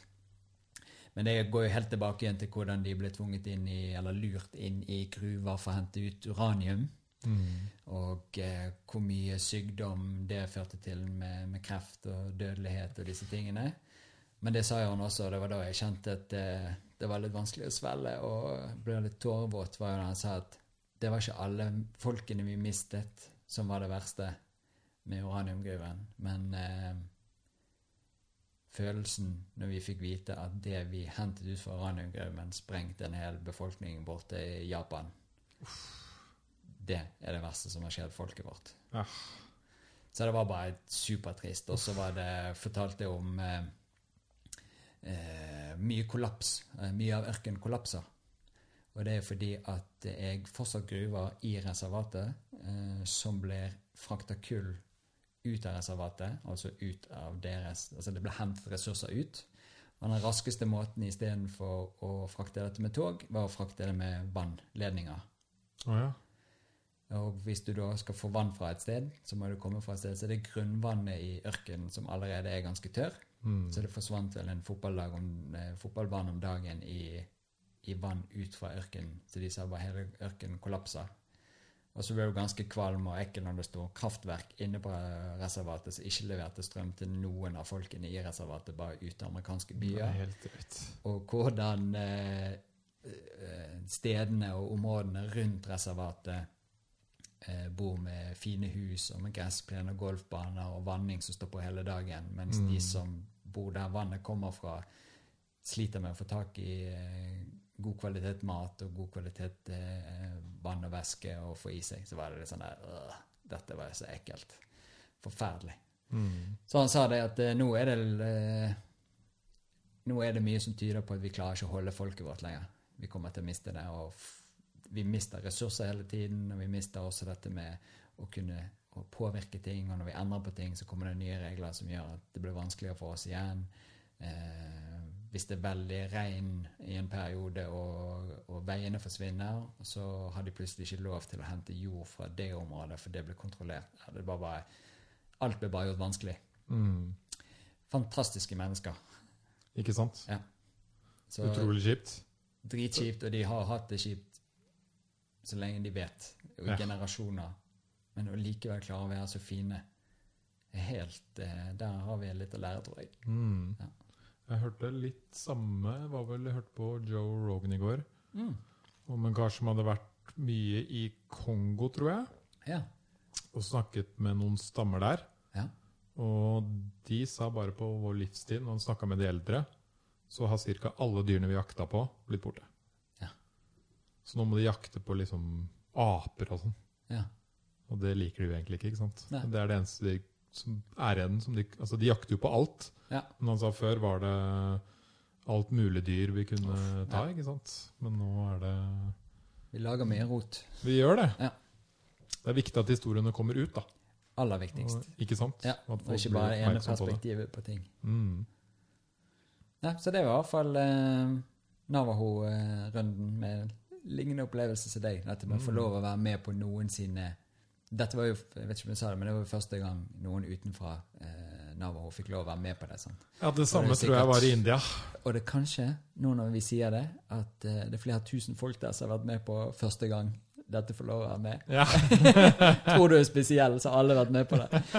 Neida, men i hvert fall så uansett, bare å få lov å ta eh, Jeg vet ikke hvordan hvis Hva jeg skulle gjort som lignet på noe sånt, hvis noen Nei. kom og besøkte meg her i Oslo. Nei. Jeg kan lage middag til dem, men vi har ikke denne Vi har mistet så jævlig mye av et eller annet kulturgreier og en kontakt med noe som eh, Jeg tror kanskje vi kunne hatt, og sikkert derfor veldig mange eh, i vestlig verden også søker et eller annet veldig mye av det som man ønsker å få fra, Mm. fra andre kulturer. Dette men det er en eller annen kontakt, det er en, en eh, kommunikasjon her som, som vi mangler. Det er det.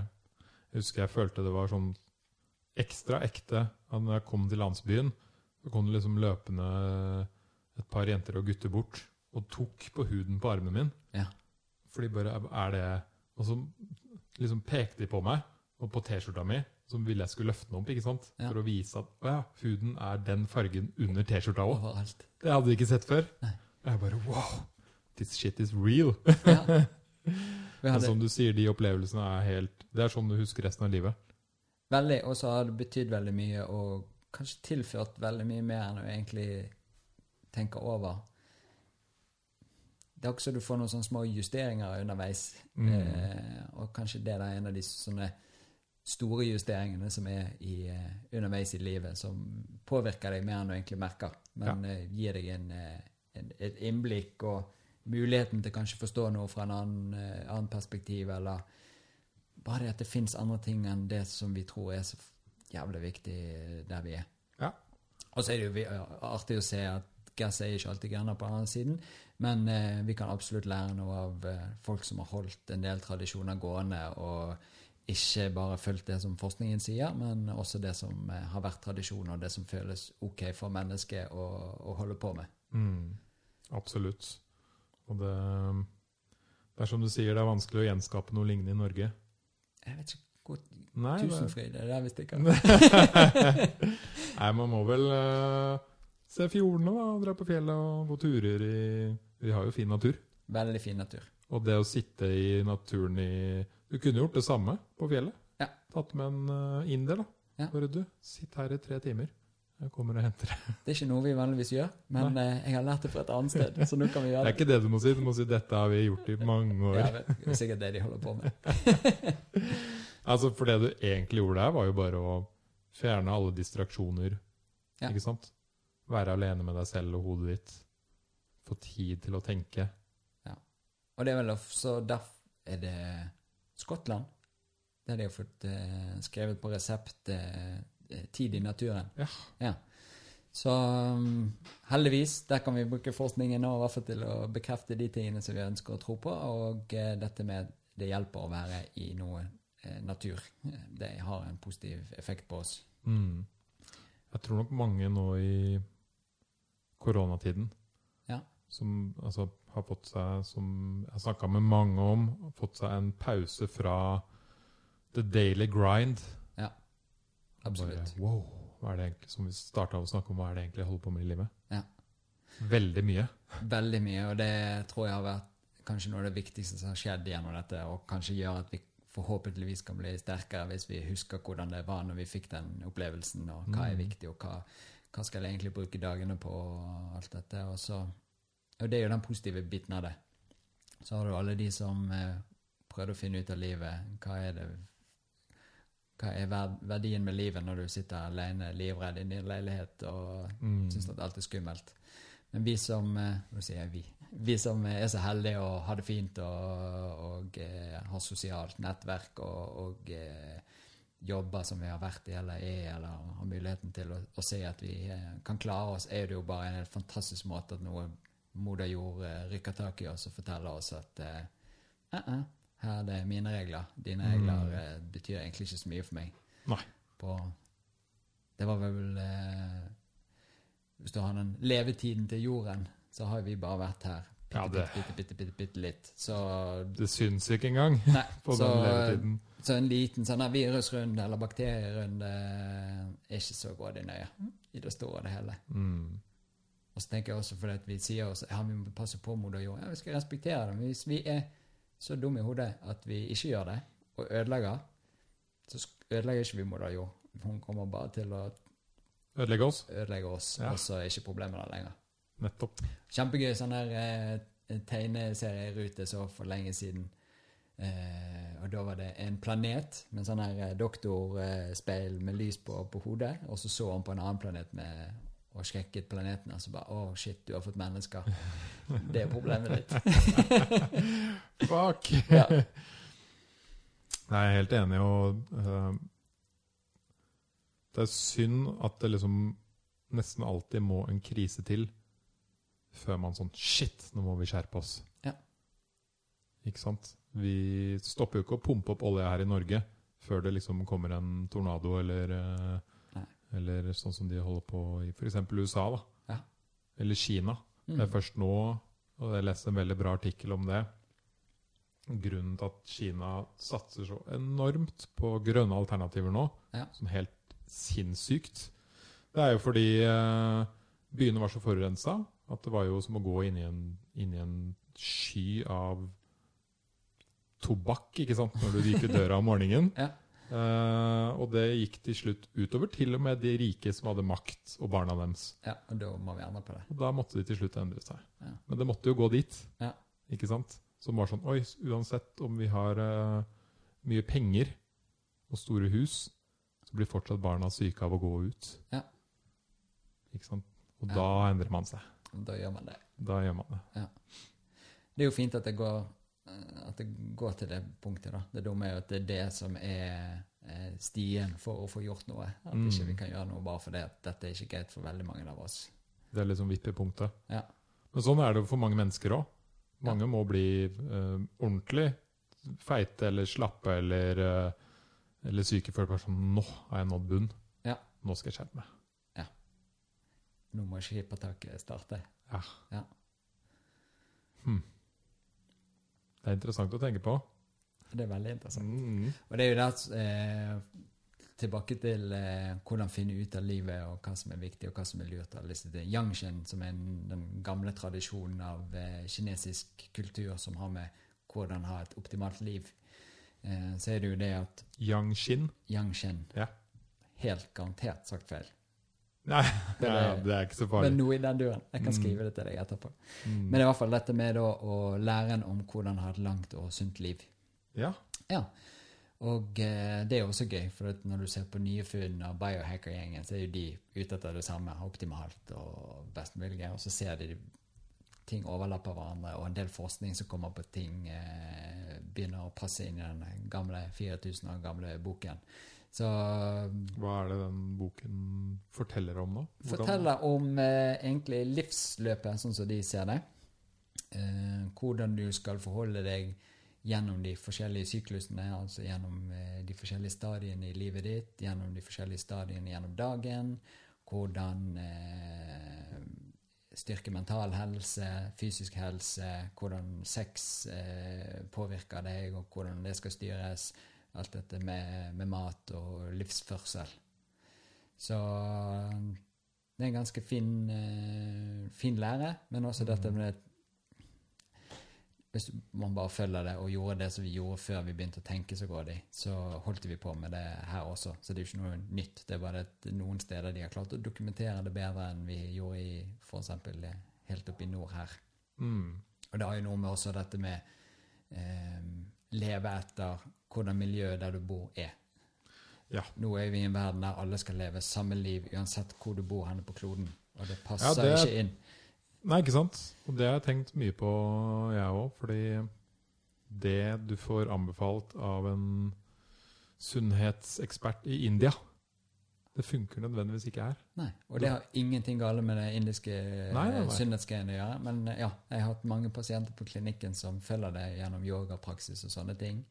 Men det er ikke laget for et kaldt klima, for det var, dette var i Sør-India. Mm. Helt andre regler. Jeg kjenner jo eh, eksempler flere som på en måte har vært vegans, og så har vinteren kommet.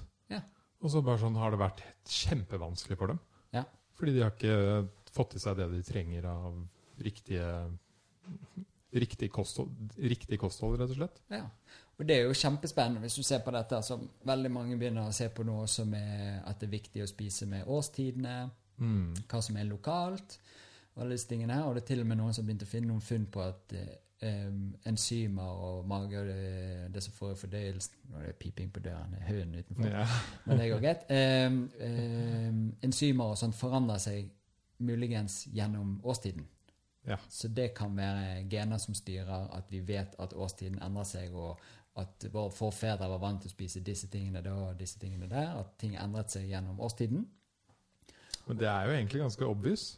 Det er jo veldig obvious. Egen, egentlig. altså Ja. Du fikk jo ikke tak i visse ting på vinteren. Ikke sjans. Nei. Så for, la oss si da at du var veganer. Så er det veldig vanskelig å overleve å være veganer i Nord-Europa, der vi bor, største del av eh, året. Ja. For det fins ikke ting du kan spise. Nei. Dessverre.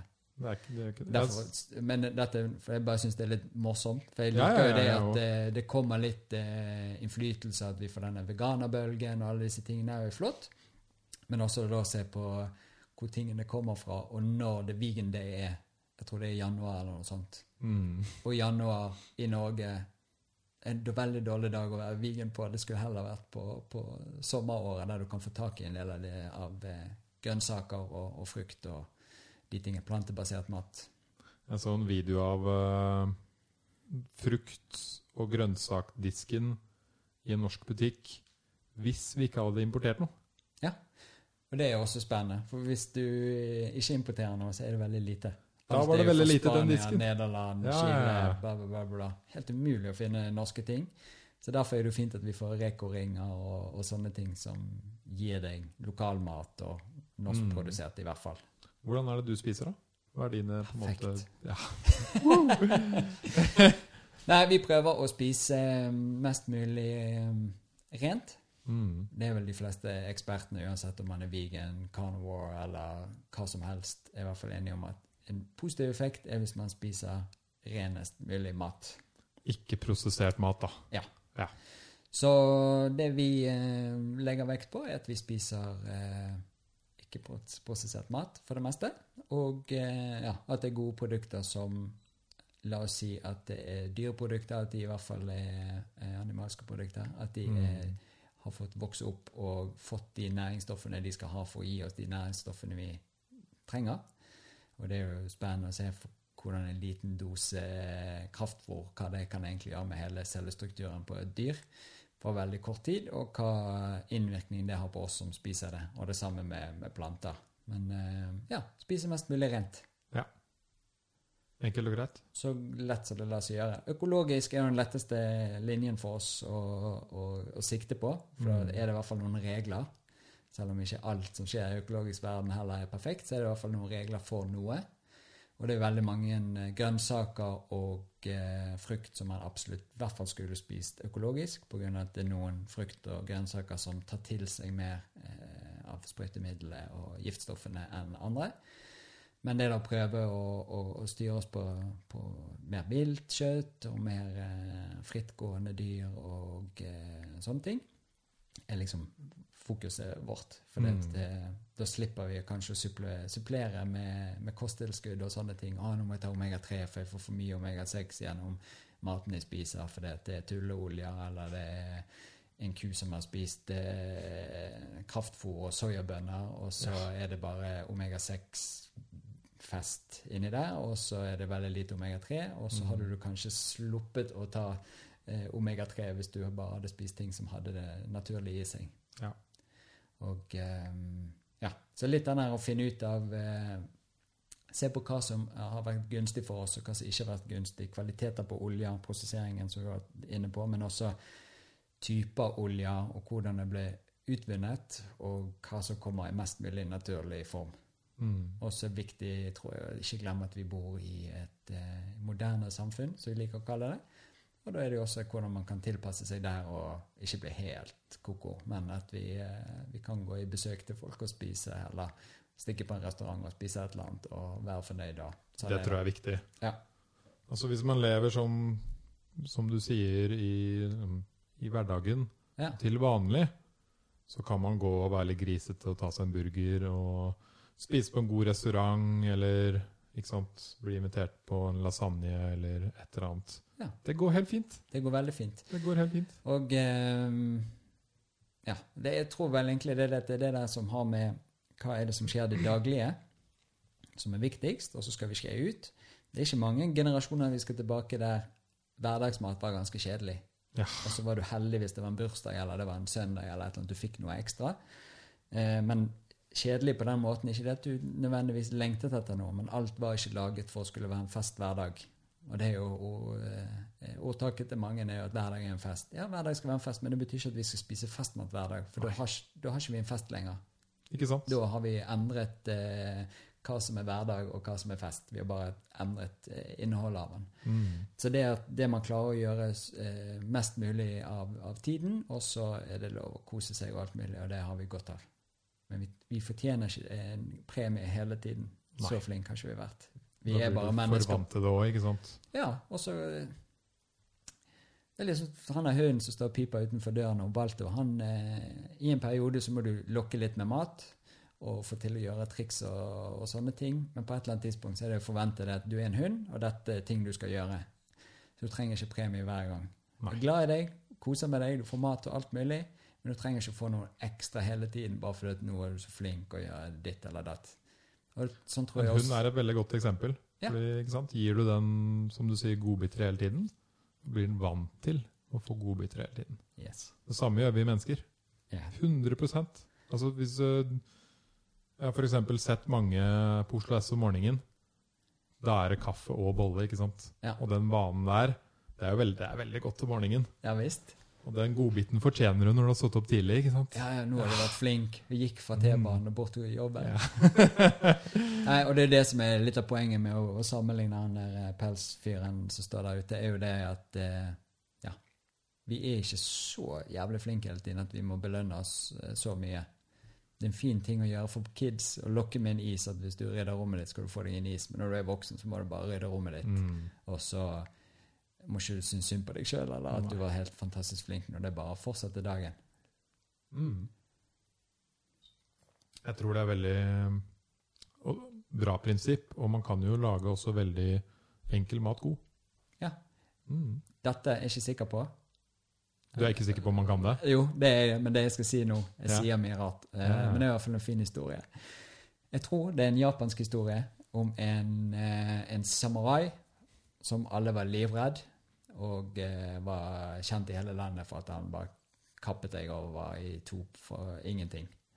Og han hadde hørt om en restaurant et eller annet sted som serverte verdens beste mat. Gikk han inn der, alle som satt på restauranten var livredd for at han kom inn og håpet at alt gikk greit, at ingen snakket for høyt, og han delte deg i to, eller mistet noe på gulvet, og du ble delt i to.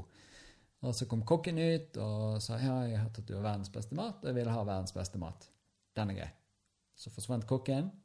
Det en halvtime, det en time, det en og en halv time.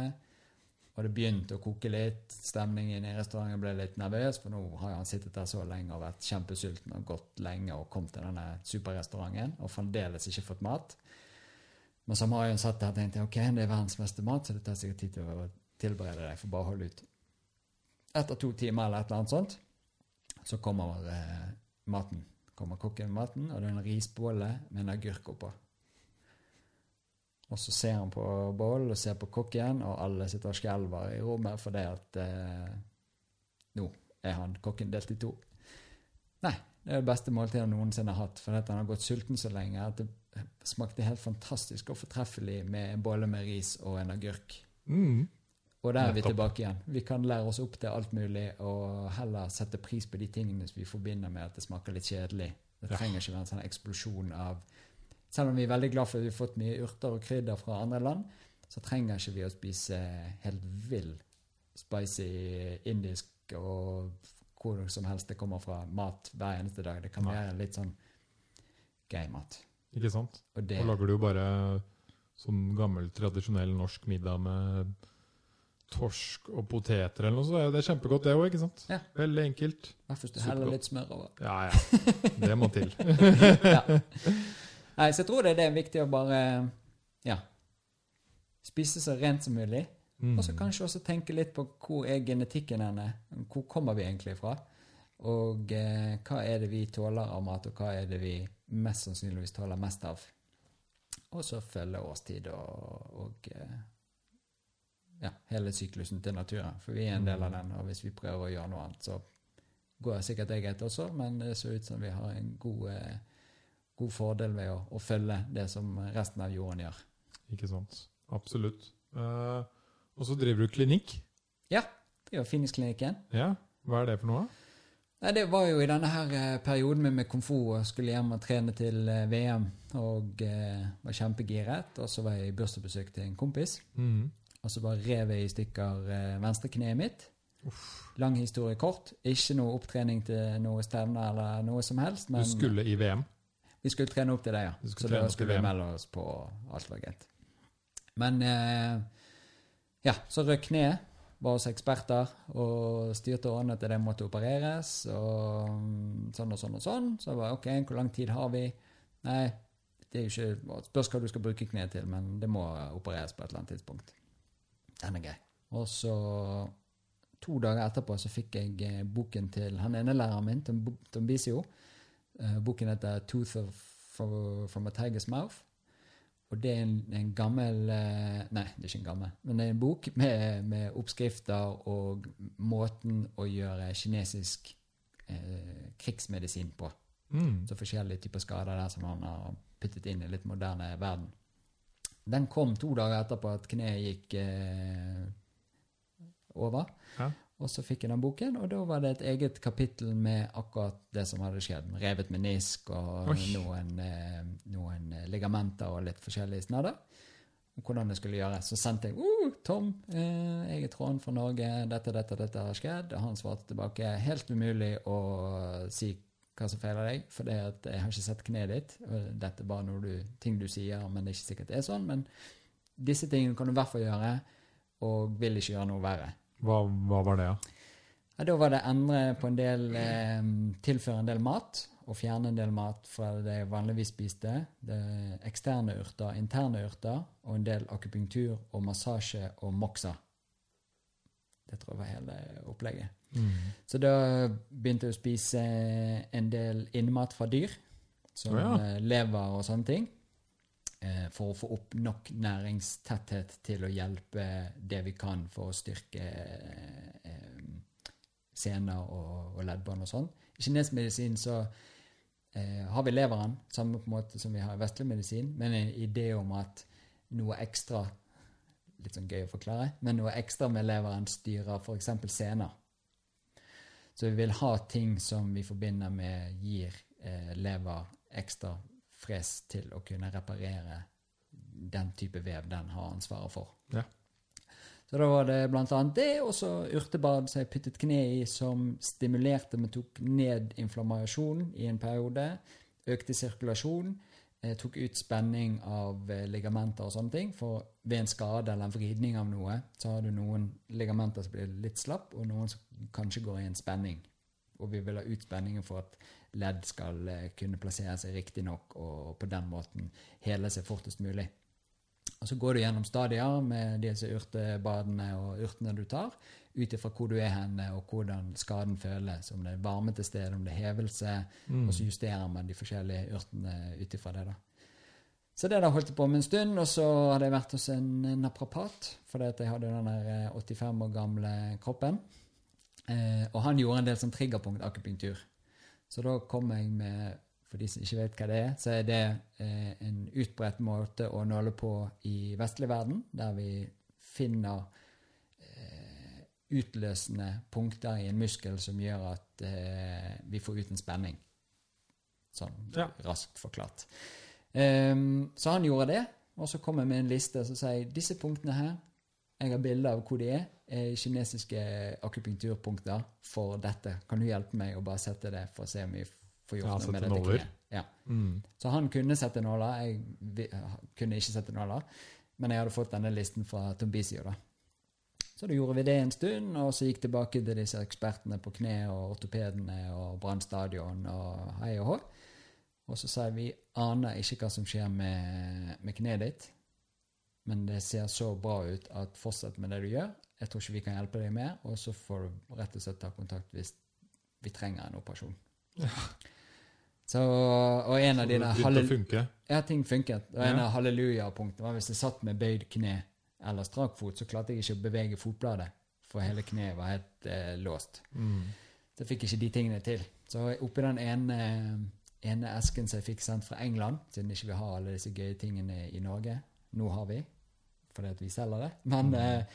eh, da fikk jeg sendt over fra komforttreneren. Og det var en Moxa-sigar som en sånn eh, urt som du tenner på som varmer opp veldig. Og så lå det en olje oppi, så lå det en liten lapp. Eh, varm opp kneet ditt eh, 10-20 minutter to ganger om dagen, og ta på den oljen som ligger her først. Og så varmer du over oljen. Så jeg bare, ja, ok. Den luktet jo godt og sterkt, denne oljen, så det er sikkert godt for noe. Og så får vi varme litt med den greien. Mm. Så satt jeg med kneet der, og så satt jeg og varmet og så etter ti minutter, og så hørte jeg sånn Og så kunne jeg bevege fotbladet, så tenkte jeg du kødder med meg. Dette er noe sånn filmtriks. filmtriks. Ja. Eh, og så kunne jeg gå og få til ting med kneet, smerte var borte. Ja, så det, noe skjedde, løste opp og gjorde at det ble helt hallelujastemning. Og akkurat da fant jeg ut jeg skal finne mer ut av dette her. Så jeg måtte si opp jobben min. Ja, Måtte Rett og slett. men eh, jeg måtte jo det. Og så eh, begynte jeg å studere og tok en eh, bachelor i akupunktur. Og så ble jeg så fascinert av eh, Tom Beasy og dr. Frank Butler, som var hans kollega på den tiden, sitt opplegg at jeg reiste til New York og fikk treffe de og fant kjempetonen. Og ble elev av de, og også undervist mye fra de. Mm. Så den klinikken har jeg holdt gående siden 2012. Ja. Ja, Så der eh, behandler vi og koser oss. Og det funker? Altså, det er jo sånn som med alle andre ting. Eh, alt funker ikke på alle. Nei, det Men eh, vi har suksesshistorier, og så har vi det vanlige der det funker greit nok, og så Mm. har du der det, eh, du ikke får de resultatene du vil. Nei. Så, mm, men eh, det fungerer såpass bra at eh, vi har nok å gjøre på. Hva slags skader er det folk kommer med da? Eller? Vet du hva, det er alt. Så Alt, vi har alt fra eh, toppidrettsutøvere til musikere til vanlig mann i gaten og kontorarbeidere. Så det vi hjelper mye med, er muskel- og skjelettplager. Enten det er Jeg liker jo sportsmedisinbiten. Dette med å sette ting på plass igjen etter noen har fått seg en grisetakling på fotballbane eller sånne ting. Eh, men også musearmer og forskjellig. Starta den robotstøvsugeren min som vanlig. Og fortsette å prate. Kanskje den eh, Får vi se hvem, hvem som vinner den kampen, om det er støvsugeren eller hunden. Ja, jeg skrudde den av nå. um, jo, så, så da behandler vi mye muskel- og skjelettplager, men også Mm. dette som man ikke helt vet hva er for noe, men irritabel tarm og eh, hodepine, allergier og, og forskjellig. Og så skal man være forsiktig med hva man sier man eh, kan behandle, men jeg tror jeg var innenfor reglene, for ikke å være kvakksalver. Men eh, Mm. det er i hvert fall de tingene vi jobber mye med. Og sånn som jeg har blitt lært opp, så bruker du kinesisk medisin i en teori. Så vi har eh, flere verktøy. Så akubintur er ett verktøy, tuina, som er kinesisk medisinsk massasje, er ett verktøy, kopping er ett, urter er ett. Så jeg liker jo det å kunne bruke de verktøyene jeg har, og de som jeg har lært, og så sette det sammen sånn at det blir en, en, en full pakke, istedenfor at jeg bare må konsentrere meg om å gjøre alt med et skrujern, men at jeg kan bruke hammer av og til, og spiker og skrujern og litt forskjellig. Mm.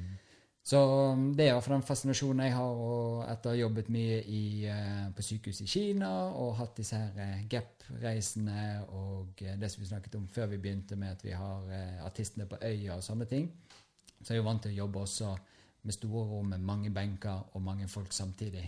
Og så ha et lite team som rullerer og styrer og gjør at vi kan gjøre ganske mye nytte for oss på ganske kort tid. Så utrolig bra. da. Det er veldig gøy at man får uh, testet og brukt og blanda litt sånn eldre teknikker og kinesisk medisin. og Det finnes jo mye der ute. Kjempemye. Og du er jo et bevis på at det har funka for deg. i hvert fall som du sier. Det funker jo ikke alltid for alle, men det gjør ingenting. Nei, også masse i teorien som skal funke, og så er det jo ikke får helt til. sant? Og Ja. Mange med migrene klarer vi å fikse noe med, med akupunktur, og mange klarer vi ikke. Men oi, vi satt de på faste, eller endret noe i kostholdet, så fikk vi det til. Ja, for Og- det ser du også på, da. Ja, ja, ja. Eh, Bidrar også Og det er jo det som jeg liker med, med eh, kinesisk medisin, sånn som jeg har lært det, så er det jo en, det en helhetsgreie. Det er ikke bare Mm. 'kom til meg, og så får du nåler, og så går du igjen'. Eh, hvis vi skal få best mulig resultat ut av dette, så må vi gjøre noe sammen. Og det er som oftest å endre noe i livet, eller endre en måte å være på, eller en måte man reagerer på, eller en måte man spiser på, eller hva man spiser, og, og alle disse tingene her. Så det å kunne sette det sammen og noe som jeg er blitt mer og mer opptatt av, er at vi er sammen om dette. Så hvis du har lyst til å putte inn en liten innsats, så eh, kan vi få til mye. Og spesielt på ting som er kroniske plager. Um, selvfølgelig, hvis du kommer hjem med en overtrakket ankel, så skal jeg få satt den på plass, og alt er greit. Da er jeg eh, kisen som fikser ting for deg. Hvis du følger en del av råd av øvelser og andre råd som jeg kommer med, så kommer kanskje helingstiden til å gå fortere, i tillegg til at du kanskje ikke får skaden så raskt tilbake igjen. Og det tror jeg er en av viktighetene istedenfor å tenke hele tiden eh, kort gevinst, men hva er det du egentlig vil? Vi vil ha noen som fungerer lenge, og ikke får problemer når man blir gammel. sant? Mm. Nei, vi trakk over da jeg var 14 og har gått litt rar på foten hele livet, men det går greit. Ja, det går greit helt til ikke du har nok fres i kroppen til at kroppen klarer å kompensere på alle disse tingene. Og så må du bytte en hofte, og så må du styre og ordne i senere tid. Mm. Man må alltid jobbe litt for det. Ja, Det er viktig, det. det, ikke- ja, og det er jo kanskje litt av gøyet nå. Ja. Med deilig å kunne lukke pennalet når du skal dø, og bare tenke at ja, jeg eh, ga det en, eh, en god innsats der. Mm. Prøvde ikke Det bare å finne det å ta sånne små uh, små stier. Altså sånne, hvis du har en vei i livet, og så tar du sånne små stier som hjelper deg underveis. Ja. Og lærer litt, og tester litt, og på en måte får inn teknikker og ting, så Ja. kan man fort uh, ja, f.eks. leve lenger, eller uh, leve bedre Ja. når du lever. Ja visst. Mm. Og det er jo det å ha en god livskvalitet når man lever, og det å også kunne leve livet lenge, men bra, istedenfor lenge, og så må du lide store deler av det. blir litt sånn yeah. Mm. Kult, da. Phoenix-klinikken, det må folk sjekke ut. Ja, det kan de gjerne sjekke ut. Jeg er jo også en sånn fyr eh, Skriveting syns jeg er litt styrete. Ja. Og det er jo en av de tingene jeg kan øve på å bli bedre, istedenfor bare å unngå det man ikke er god på. Så jeg er ikke alltid så flink til å skrive ting på nettsider og eh, følge opp sånne ting, men det jobber vi med. Mm. Um, så, men jeg finner i hvert fall noe på finisklinikken.no og forskjellige andre steder. Også Vi snakka jo om det i stad før vi starta, at, uh, at begge oss to kan gjerne jobbe litt mer med å faktisk gjøre ting som er litt kjipt. Eller som vi syns er litt kjedelig. ja, Ikke Kjipt sant? kan det være. Jeg liker motstand, men det må være motstand på noe jeg har lyst å komme igjennom, Nettopp. på en måte. Og et eksempel var jo, ikke sant Vil du, vil du eh, lage en bedrift da, med Ja. noe du brenner for, så må du faktisk starte et AS. Ja. Og du må sannsynligvis skrive noen kontrakter med folk. Du må sannsynligvis i hvert fall forstå økonomi, ikke sant? Ja. Noe som man kanskje har sett på som litt eh, Eller noen ser på som litt kjedelige ting i livet, men kjempeviktig å lære mer om. Absolutt. Og, Ja. ja. Og kanskje det blir lettere å fokusere på de tingene når man eh, rydder opp eh, dagene sine litt og, og kan gønne på 100% der man skal, og så heller ta en liten kutt av det og gjøre de kjedelige greiene, istedenfor at man bruker opp alt kruttet på det gøye, og så har ikke du noen sånn ekstra eh, Ja. til å bruke på det du egentlig syns er kjedelig. Men så kunne det gått greit hvis du hadde litt mer overskudd. Mm. Si at det er i hvert fall det må være sånn 70, 70% gøy, da. 30 må være litt sånn ah, dette gleder jeg meg ikke til, men faen, jeg gjør det. Ja. Og lære masse av det. Ja, og så er det vittig, for når du da har gjort det, så har du helt vanvittig god eh, følelse etterpå, og samvittighet. Nå har, jeg, nå har jeg gjort noe som var dødskjedelig, så jeg prøvde å utsette lenge, og så gjorde jeg det, og så var ikke det så gale, og føler meg så lett like styrete neste gang jeg skal sitte med deg. Den samme gode følelsen etterpå. Du har klart å komme gjennom det. Mm. Herlig. Ja. Du, nå maser bikkja di, ja. så jeg takker veldig for besøket. Ja. Og Nydelig, det. det var helt konge å prate med deg. Takk, Elie. Takk for at jeg ble invitert. Mm. Du eh, spurte jo om en del ting som vi alle kom til. Så Nei, men vi har mulighet en annen gang. kan vi ses igjen. Ja, Ja, like greit det. perfekt det. Mm. Du får ha en uh, nydelig dag, og folk må sjekke ut uh, phoenixklinikken.no. Ja. .no. .no, Ja. hvis dere vil uh, lese mer om det, eller uh, har noen plager. Du liker jo meditasjonsbiten og disse tingene, så vi har jo vært så heldige nå å, å få til sånne undervisningsrom. Så der blir det mye aktiviteter på, på qigong, eh, meditasjon, eh, eh, masse forskjellige spennende ting. Så det er eh, skjer litt gøye ting der. Og så har vi fått Mm. knyttet til oss eh, fine folk. Jenny Ponypenny, som jeg kaller henne, som er god på fermentering av mat som skal ha noen kurs i det. Og vi har Bettine Zetlitz som skal på eh, meditasjon. Masse gøye ting. Helt konge. Jeg skal Så- komme og sjekke det ut sjøl. Det er lurest å komme og sjekke istedenfor å lese alt på nettsiden, for jeg Ja. jobber på å bli flink der. Tusen takk for i dag. Du, tusen takk for at jeg fikk komme. Ja. Da snakkes vi. Yes.